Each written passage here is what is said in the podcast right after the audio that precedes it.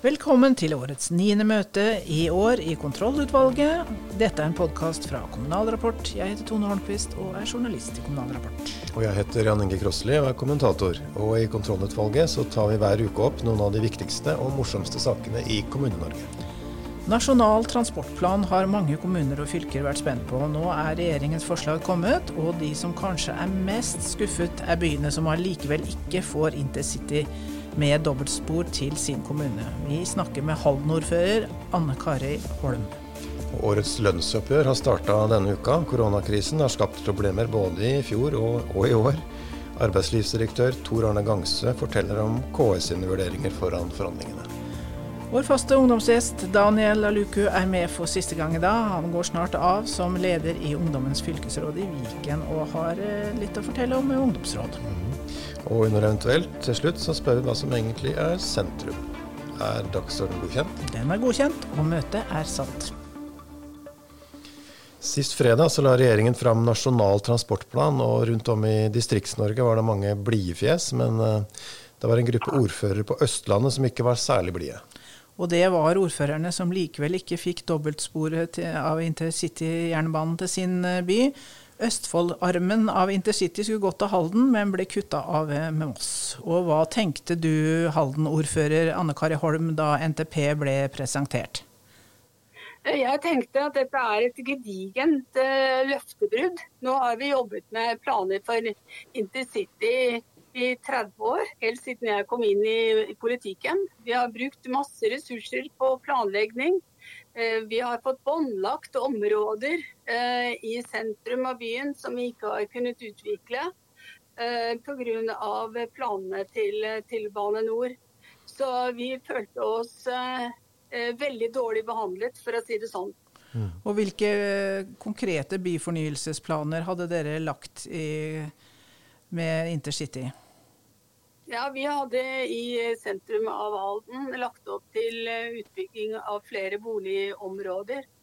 Og Det ble da båndlagt, men dette ble opphevet da kan du si for et år siden. Men allikevel, det er mange ting som er blitt veldig forsinket i byen vår. Eh, og spesielt på boligsiden pga. Eh, båndlegging fra Bane Nor sin side. Hva gjør dere nå når dere avlyser, eller går dere videre med de planene? og i de områdene? Ja, nå har, jo, uh, har, man opphevet den båndleggingen fra Bane Nors side. Det gjorde man for uh, ca. et år siden. Så nå er vi uh, liksom i gang igjen. Men ting er jo blitt uh, stående bom stille i fem år. uten at vi har kunnet gjøre noen ting i vår egen by. Hva gjør dere inn mot stortingsbehandlinga nå? Ja, vi har jo vår eh, Senterpartiet har sin eh, stortingsrepresentant eh, som kommer til å ta opp dette videre med, med, Stortinget. Og prøve å endre den beslutningen som er gjort i Nasjonal transportplan. Men Tror du Senterpartiet vil prioritere intercity foran veier i distriktene, eller? Eh, ja, jeg syns ikke dette skal være noe spørsmål om enten-eller. Det må være både og. Veier i distriktene er veldig viktig. Men samtidig, for Halden, så er det eh, Vi har mange pendlere til Oslo. Mm. Og vi håpet jo også at eh, InterCity fram til Halden ville bidra til at vi skulle få flere innbyggere til, til vår kommune. Men Argumentet er jo at det blir veldig dyrt. Det, har du forståelse for det, eller? Og da må det vel Argumentet til regjeringen er jo at dette blir veldig dyrt, i dobbeltsporutbyggingen. Eh, har du noen forståelse for den, det argumentet?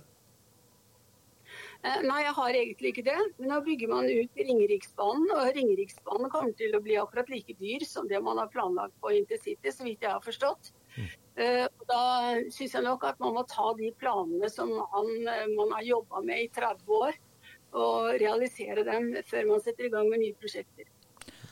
Nettopp. Da blir det spennende å følge med på hvordan dette utvikler seg, Holm. Eh, vi sier takk til deg i denne omgang. Lønnsoppgjøret for 2020 ble utsatt pga. koronakrisa og er så vidt ferdig før de skal i gang med et nytt lønnsoppgjør. LO og NHO starta denne uka. 21.4 er det kommunesektorens tur. Og det er ganske harde fronter nå i forkant. NHO har jo provosert med å tilby reallønnsnedgang. For å sikre norsk industris konkurranseevne internasjonalt. Ifølge frontfagmodellen så skal denne industrien forhandle først og legge rammen for hva alle andre får i lønnstillegg. Og nå viser fasiten for 2020 at privat sektor fikk ganske mye mer enn ramma på 1,7% mens offentlig sektor ser ut til å holde seg innafor. Så hvordan reagerer du på at privat sektor ikke klarer å holde seg innafor frontfaget, arbeidslivsdirektør i KS Tor Arne Gangse? Eh, når det gjelder tallene for 2020, så må vi ta med oss at eh, det har skjedd store endringer i norsk arbeidsliv som følge av pandemien som landet har vært inne i. Det betyr at uh, man skal tolke de tallstørrelsene på en fornuftig måte, og ikke trekke altfor bastante konklusjoner. For at Når man sammenligner tall som man gjør i TBU-rapporten, så sammenligner man et gjennomsnitt. og Hvis det skjer betydelige endringer i en gruppe, f.eks. at veldig mange har gått ut i permisjon, altså gått ned i lønn, uh, så, uh, så er det jo slik at ofte er det lavtlønte som har gått ut i permisjon. Mm. og Det betyr at gruppa sitter igjen med de høgstlønte, og dermed så stiger også lønnsnivået. Så det er ikke helt Så man må være litt forsiktig. Og så må man huske på at uh, frontfagsmodellen den slår fast at man har en ambisjon om at det skal være en, en, en lik lønnsutvikling over tid mellom mm. ulike grupper. Eh, og eh, vi er jo i den situasjonen at ser vi på utviklinga de siste fem åra, mm. så ligger fortsatt kommunesektoren og staten over privat sektor i positiv lønnsutvikling. Mm. Så selv om privat sektor gikk utover frontfaget i fjor, så bør kommunesektoren holde seg innafor frontfaget, det de avtaler i år, som du vurderer det? Ja, ja, Vår vurdering er at frontfagsmodellen er jo en modell som har tjent dette landet i mange tiår. Og jeg ser ingen grunner for at vi skal forlate frontfagsmodellen denne gangen. Eh, det hjelper vel kanskje heller ikke at uh, Siv Jensen har vært ute og sagt at denne gangen er det lærerne og sykepleiernes uh, tur. Hva sier du til det? For det første så er jo jeg i tvil om Siv Jensen ville ha sagt det hvis hun var finansminister. Eh, det er, som jeg prøver å si, altså frontfagsmodellen er jo noe som har tjent landet godt i mange, mange, mange år. Eh, I tillegg er det jo Så du er ikke enig med Siv Jensen at lærerne og sykepleierne bør, det er deres tur denne gangen? Altså, i, i den grad jeg skulle si noe, så er det jo alle kommunalsektorer sektor sine medarbeidere som har stått i front denne gangen. Det er ikke bare enkeltgrupperinger. Det er ingen tvil om at lærere og sykepleiere har hatt store utfordringer. men det, det gjelder jo også helsefagarbeidere, renholdsbetjenter osv. osv. Mm. Og vi har vært avhengig av hele, å, nei, hele laget for å håndtere den krisa som, som, vi har stått i. Mm. I fjor så var det usikkerhet om eh, kommunenes økonomi og om staten ville kompensere alle tap som eh, følger av krisa.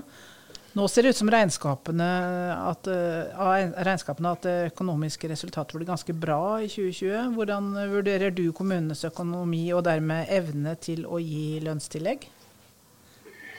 Jeg tror de aller fleste som kjenner kommuneøkonomien ut og inn, eh, skjønner jo at kommuneøkonomien er ekstremt anstrengt. Nå fikk vi jo på plass en garanti fra regjeringen om full kompensasjon for ekstraordinære kostnader og bortfall av inntekter som følge av pandemien. Og det ser ut som at eh, kommunesektoren på makronivå har fått kompensert. Eh, nå vil nok det selvfølgelig variere fra kommune til kommune, men på et makronivå så ser det ut som man har fått en god, god kompensasjon. Så det er litt å forandre?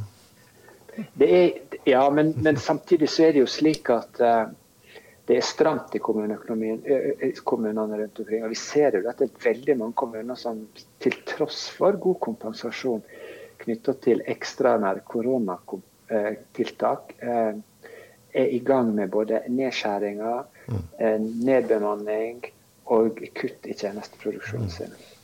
Dere har hatt tid til en litt kortere sånn innspillsrunde ute i fylkene enn vanlig, fordi det går litt i ett her med forhandlinger. Men hvilke tilbakemeldinger har dere fått? Da dere har bl.a. spurt om lokale forhandlinger, om noen grupper skal løftes spesielt. Lærerne mener jo de, de henger etter mer enn andre. Eh, det er ganske klare tilbakemeldinger på at det er en forventning om en lokalpott denne gangen. Det er mm. faktisk fire år siden sist vi har hatt en lokal pott. Og så er det også slik at uh, vårt lønnssystem er slik at dersom det skal, det skal løftes ei yrkesgruppe, f.eks. lærere eller sykepleiere, mm. så klarer ikke vi å gjøre det i et sentralt oppgjør. Da må det skje i de lokale forhandlingene. Mm. Mm. Og Det er fordi at vi har et lønnssystem som er likebehandla alle med samme utdanning. Og det finnes mange sykepleiere, mange med treårig og fireårig utdanning. Eh, så det er ikke bare sykepleiere og, og, og lærere vi kan klare å løfte. Mm. Da sier vi takk til uh, Tor Arne Gangsø, som skal i gang med forhandlinger i slutten av april. Daniel Aluku har vært eh, kontrollutvalgets faste ungestemme helt siden starten i fjor høst, og nå slutter han som leder i Ungdommens fylkesråd i Viken, og er her hos oss nå for siste gang. Velkommen igjen, Daniel. Tusen takk for at jeg fikk lov til å komme hit den siste gang. Ja, og da skal, tenkte vi skulle snakke litt rett og slett om ungdomsråd og ungdommens kommunestyre. For det er jo, det jo lovfesta. Alle kommuner og alle fylkeskommuner skal ha et ungdomsråd. Og du har vært med i Viken, men du, du begynte i Mysen? Jeg begynte i det som den gangen het Eidsberg ungdomsråd, ja. så politisk korrekt som må være. Ja. Eidsberg er nemlig, var en kommune som var oppsamlet av Mysen, Eidsberg, Hærland og eh, Slitu. Ja. Nå har jeg sikkert glemt den her. Eh, og det var veldig politisk ukorrekt å si Mysen ungdomsråd, for det da ja. impliserte at Mysen, som da var sentrum i kommunen, var det viktigste. Og nå er den Eidsberg da nå er den slått sammen sammen med, med Askim Skiptvet Nei, ikke Skiptvet. Nei. De gadd ikke og fikk lov til å slippe ja. unna. Men er, eh, det er i hvert fall en del av Indre Østfold kommune nå? Det stemmer. Mm -hmm.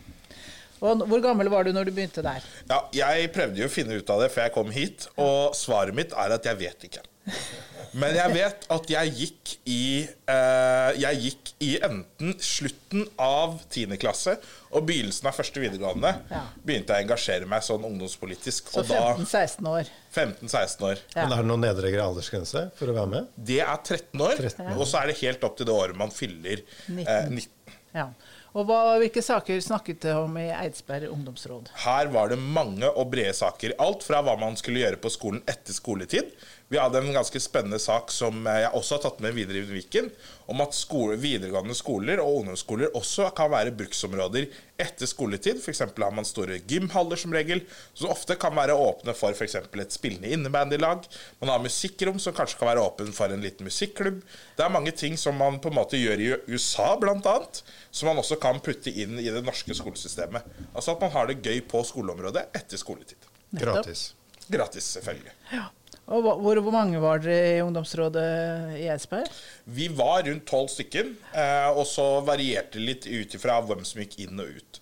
Men det var en god samling av ungdom som satt og spilte hele dagen, til ungdommer som var ute og sto på ski hele dagen. Så det var en god samling av ungdom, og det tror jeg er viktig når man skal sette sammen et ungdomsråd, at det er en god spredning. Men var det politisk aktiv ungdom, eller var det vanlig ungdom som bare Det var alt fra ungdom som nesten ikke brydde seg om politikk, til ungdommer som jeg, som var inne med partier og sto og debatterte store saker og helst ville ta opp klima og miljø i kommunestyret. Og så ble du da eh, valgt inn i Viken ungdomsråd, når det ble en ny fylkeskommune. Det stemmer. Ja. Mm. Og det har vært en fantastisk og morsom reise. Litt stressende nå med koronaen som plutselig kom inn og gjorde at alle elever og ungdommer fikk plutselig en litt usikker fremtid. Mange falt utenfor arbeidslivet og droppet ut av skolen. Så det har vært mange, uh, mange caser og mange problemer å ta tak i når det kommer til den uh, delen av det å være ungdom i dagens samfunn. Men det har også vært mange gode caser der man har fått eh, ungdomsråd oppe til å stå i de forskjellige kommunene. Eh, fått lov til å sitte med forskjellige helt nyetablerte ungdomsråd og snakke med hvordan man skal organisere dem. Eh, og snakke med erfarne ungdomsråd som kanskje har litt problemer innad seg. Så det har egentlig bare vært veldig morsomt og veldig givende. Blir dere lytta til? Vi blir, altså, nå er det sånn at Man skal gjerne si at man blir lytta til. Eh, men så er man jo sinna noen ganger, Fordi noen ganger så blir man ikke lytta til. Og det setter veldig preg på stemningen. Men i det store og det hele så blir man lyttet til som ungdom. Og hvis man ikke opplever at man blir lyttet til, da må man ta tak i det ved å gå til f.eks. Ungdommens fylkesråd i Viken. Vi står på jobb for alle ungdomsråd i Viken, og noen ganger også for dem uten Viken. Eh, og så er det om å gjøre å ta tak i de forskjellige eh, kommunestyrerepresentantene eller eh, kommunedirektørene som er interessert i ungdom og er interessert i å lytte til ungdom. For den personen finnes alltid. De er ressurspersoner, og det er de ungdomsrådet alltid må komme til. Eh, og, og, og, sørge for at eh, får lov til å bruke ressursene sine på ungdomsrådet. Hvor mange er dere i ungdomsrådet da i Viken? Der er vi tolv stykken, men vi har litt uaktive medlemmer, så vi er mer nede på ni. Eh, og så er det jo litt sånn Problemet nå er jo at ungdomsrådet i Viken Vi skulle egentlig gått av. Eh, men så kom jo koronasituasjonen og endret alle planene våre gjentatte ganger. Vi har prøvd å avholde digitalt nå i mars. Eh, det er litt usant at jeg går av som ungdomsrådsleder. Nei, akkurat, for Det var det som var meningen, egentlig. Det var det som var meningen, ja. men nå har vi måttet utsette det til mai. Eh, men eh, så noen av medlemmene er da f.eks. ute i uh, militær tjeneste og alt sammen. Så, men uh, vi skal prøve å få på plass noe før sommeren uh, inntreffer. Nettopp. Hvilke saker har dere tatt opp disse åra? I dette året så har det vært veldig mye om konstituering av det nye ungdomsrådet. Hvordan ungdomsmedvirkning skal fungere i Viken. Også fordi man har fått inn denne nye kommuneloven, som gjør at eh, kommunene må ha ungdomsråd. Så det har vi også jobbet veldig mye hardt med. Eh, men så har vi også jobbet med ting som eh, skole-PC-er. Skal man ta med sin egen skole-PC, eller skal man få en skole-PC fra skolen? Vi har snakket veldig mye om skoleveier, hvordan det må være trygt å komme seg til skolen. Hvem er det som skal betale inntil et visst grad, og hvor man skal gå på skolen? Så har vi snakket veldig mye om dette med inkludering og medvirkning. Og utenforskap, også da i samarbeid med eh, elevombudene, nå kalt eh, Ungdom for barn og unge i Viken. Hvor vi også har eh, sittet i en prosjektgruppe som jobber med trygg, eh, trygg russefeiring. Som skal, rett og slett skal gjøre at eh, alle de negative sidene ved russefeiringen, som f.eks. at eh, noen bruker litt for mye penger, mens andre ikke kanskje har råd til å bli med på moroa, og man skal motvirke de forskjellene. Og Presenterer dere da sakene deres i fylkestinget? For... Det gjør vi. Og det er det morsomste som finnes, for vi har Roger Rydberg som uh, fylkesordfører, og han er veldig på ballen når det kommer til ungdomsmedvirkning, og gir oss masse tid, og det er vi veldig takknemlige for. Så bra, Daniel. Hva gjør du videre nå, når du etter hvert eh, får avvikla dette møtet med, i Viken ungdomsråd? Ja, da, da, har jeg jo funnet meg selv i den posisjonen der at jeg eh, rett og slett må ta litt farvel fra ungdomsmedvirkning. Eh, det er trist, men jeg må nå fokusere på studier og litt videre i liv. Skal jeg heller eh, være han eh, syvende faren i huset. Jeg har fått streng beskjed om at jeg ikke skal være. Men eh, om noen trenger noe hjelp med noe når det kommer til ungdomsmedvirkning, noen som trenger å kjefte litt på en ordfører, eller sette på plass en kommunestyrerepresentant eller direktør, da stiller jeg gjerne opp. For nå er du blitt 20 år og voksen og, og går videre. Du er også medlem av Høyre, ikke sant? så du har tenkt å drive litt valgkamp og sånn? Nå, nå, er det full valgkamp. Eh, og så etter det så får vi håpe at vi fortsatt er i regjering, eh, partiet mitt. Eh, og så får vi se om det blir noe ut av det. Kjempefint. Tusen takk skal du ha, Daniel. Du har vært en eh, fin eh, gjest å ha med her i podkasten.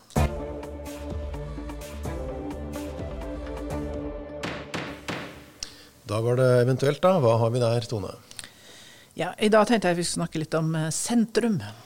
Snakker vi da geografisk eller politisk sentrum? Ja, begge deler, egentlig. Først partiet Sentrum, der hvor Geir Lippestad er leder. De får lov å kalle seg sentrum. Det har partilovnemnda bestemt. Og det var Senterpartiet som ikke likte navnet, og som klaga dem inn der? Ja, Senterpartiet mente sentrum har stjålet navnet, liksom, et lignende navn, og politikken og liksom deres posisjon i politikken. Det meste, egentlig. Mm. Men de kom ikke noe vei med det også. Nemnda var uenig. Men det er jo Da er den saken avslutta. Men det var altså en annen sak om sentrum også denne uka her. Det er flere som har problemer. Hvem, hvem er dette? Nå er det Målselv i Troms. Målselv har et slags sentrum som de har lyst til å kalle by. Det er Bardufoss, er det riktig? Nei, det er ikke så enkelt. Altså, nå leser jeg i lokalavisa at det ikke er lett å si hva som er sentrum i Målselv i dag. Rådhuset ligger på Moen, og halvannen mil fra Vinmonopolet og gågata på Anselv. Og så er det mange av de store butikkene ligger på Ansli i Moen, nesten en halv mil fra gågata. Og i tillegg så holder videregående skole, idrettsanlegg og store deler av Forsvaret til i Heggelia, noen kilometer unna motsatt vei. Men det, det er veldig store avstander. Det er store avstander, men dette ønsker de å kalle en eh, by, da det bor jo ikke mer enn 3000-4000 mennesker der heller. Så eh, altså Målselv har seks tettsteder, men ingen, ikke noe tydelig sentrum, skriver lokalavisa da Nye Troms. Men de vil, eh, vil gjerne kalle det en by. Og så står det videre da, gjennom skilting og forespørsler har kommunen søkt om å gjøre de tre stedene Heggelia, Ans Anselv og Ansli-Moen til ett tettsted.